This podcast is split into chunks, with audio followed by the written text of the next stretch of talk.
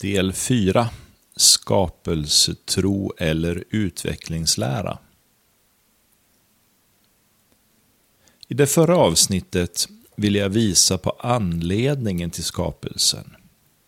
Även om det inte står bokstavligt och direkt menar jag att det ändå, när vi finner summan av Bibelns budskap, är det tydligt att det leder oss till Guds vilja att ha gemenskap med människan och kanske inte minst hans glädje över oss och hans kärlek till oss. Och så avslutade jag med att framhålla att det är tydligt att skapelseberättelsen och evolutionsteorin är två rätt skilda saker.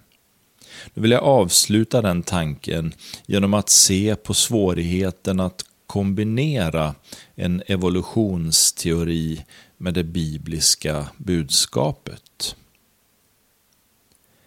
Ämnet för den här undervisningsserien är Guds frälsningsplan. Och Det är också lite av nyckeln till förståelsen för varför vi inte kan kombinera den bibliska skapelseberättelsen med utvecklingsläran. Det är nämligen inte bara slumpen kontra ordning och tanke som blir ett problem. Det finns ett ännu djupare problem som har med vår frälsning att göra. Paulus skriver i Romarbrevet 6 och 23. Den lön som synden ger är döden, men den oförtjänta gåva som Gud ger är evigt liv i Kristus Jesus, vår Herre. Svårigheten är att hela utvecklingsläran bygger på död. Sämst anpassad ur bort, eller omvänt, endast den starkaste överlever. Men Paulus pekar nu på det som är kärnan i hela problematiken. Bibelns beskrivning av dödens ursprung är nämligen synden. Och tittar vi på skapelseberättelsen i Bibeln så finns överhuvudtaget inte döden med i tillkomsten av universum. Den första gången som döden konkret omnämns är i Första Mosebok 4 och 8 när Kain dödade sin bror Abel. Vi kan möjligen gissa oss till att ett offer krävdes i Första Mosebok 3 och 21 där vi läser att Gud gjorde kläder av skinn åt Adam och Eva så förstår vi att det krävdes ett offer för att skyla människans synd. Något som senare kommer att få en helt avgörande betydelse för uppgörelsen med människans synd. Någon dör i vårt ställe för våra synders skull. Problemet är alltså att evolutionsteorin tar bort skälet till Jesu ankomst eftersom döden inte har med synden att göra i utvecklingsläran.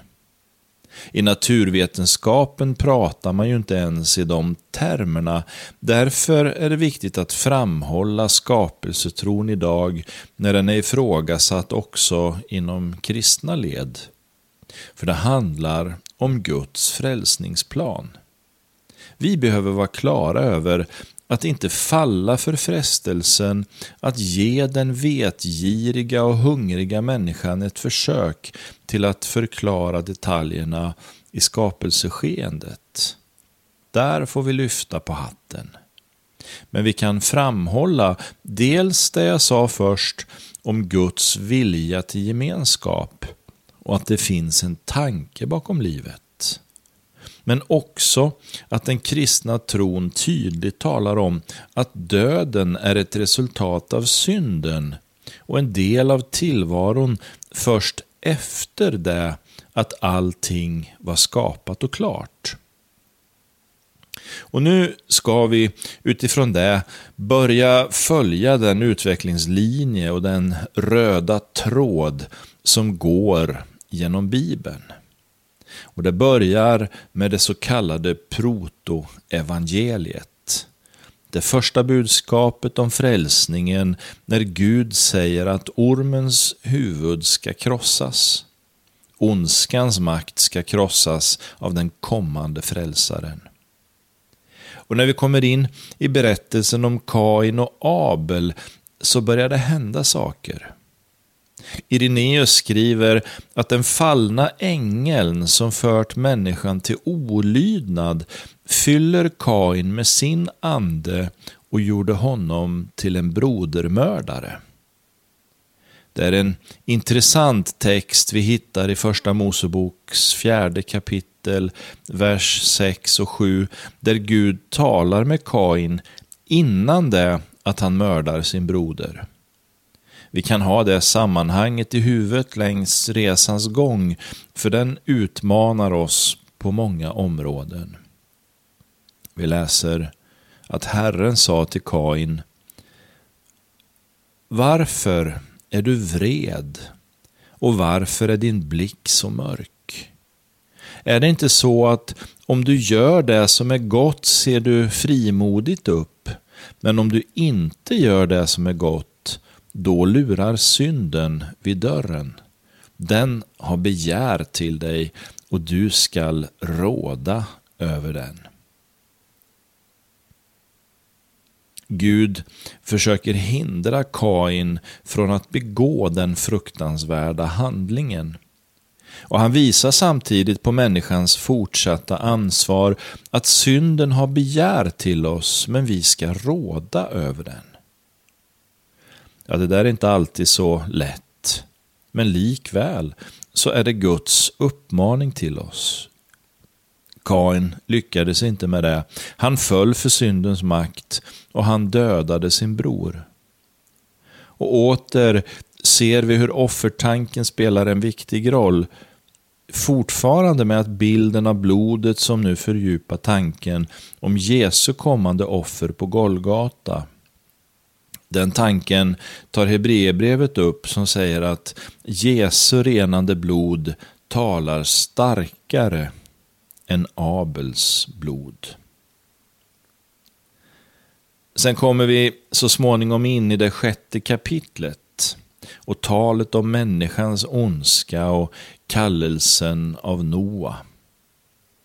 Nu har ondskan eskalerat och det har gått så långt att vi läser att Gud faktiskt ångrar att han skapade människan. Och jag kommer att avsluta här och ta upp den tråden nästa gång. Men det finns ändå något viktigt som jag vill att du bär med dig. I Första Mosebok 6 och 5 så läser vi om att människans ondska var stor. Deras tankar och avsikter var ständigt alltigenom onda. Och så bläddrar vi till Matteus evangeliets 24 kapitel så får vi också en bättre förståelse för den här situationen. För Jesus talar där om tidens slut och så jämför han det med den tid då Noa levde. Matteus kapitel 24, vers 37 och framåt. Så som det var på Noas tid, så skall det bli när Människosonen kommer. Under de dagarna, det som gick före den stora floden, så åt de och drack, de gifte sig och giftes bort, ända till den dagen då Noa gick in i arken. De märkte ingenting förrän floden kom och ryckte bort dem allihopa. Så ska det också bli när Människosonen kommer.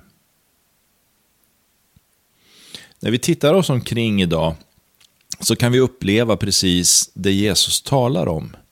Det är en nonchalans och en enorm tilltro till sig själv. I avsnittet innan har Jesus skrivit eh, om livet eller beskrivit livet på jorden, hur det kommer att vara strax innan hans ankomst. Och där man oftast hör är talet om naturkatastrofer, om krig och elände. Men jag skulle vilja påstå att även om det är tydliga tecken så är ändå det mest uppenbara det Jesus berör i Matteus 24 och 15 när förödelsens styggelse står på heligt rum. Som alltid i den judiska teologin finns det en dualism. Just vad gäller de profetiska orden kan vi också se partiella uppfyllelser. Och det märker vi när vi hanterar de gammaltestamentliga profetiorna och det ser vi också här. Jag tror att det Jesus talar om dels handlar om romarnas skändning av templet. Och sen har vi några hundratal år senare moskéerna som blir resta på tempelplatsen.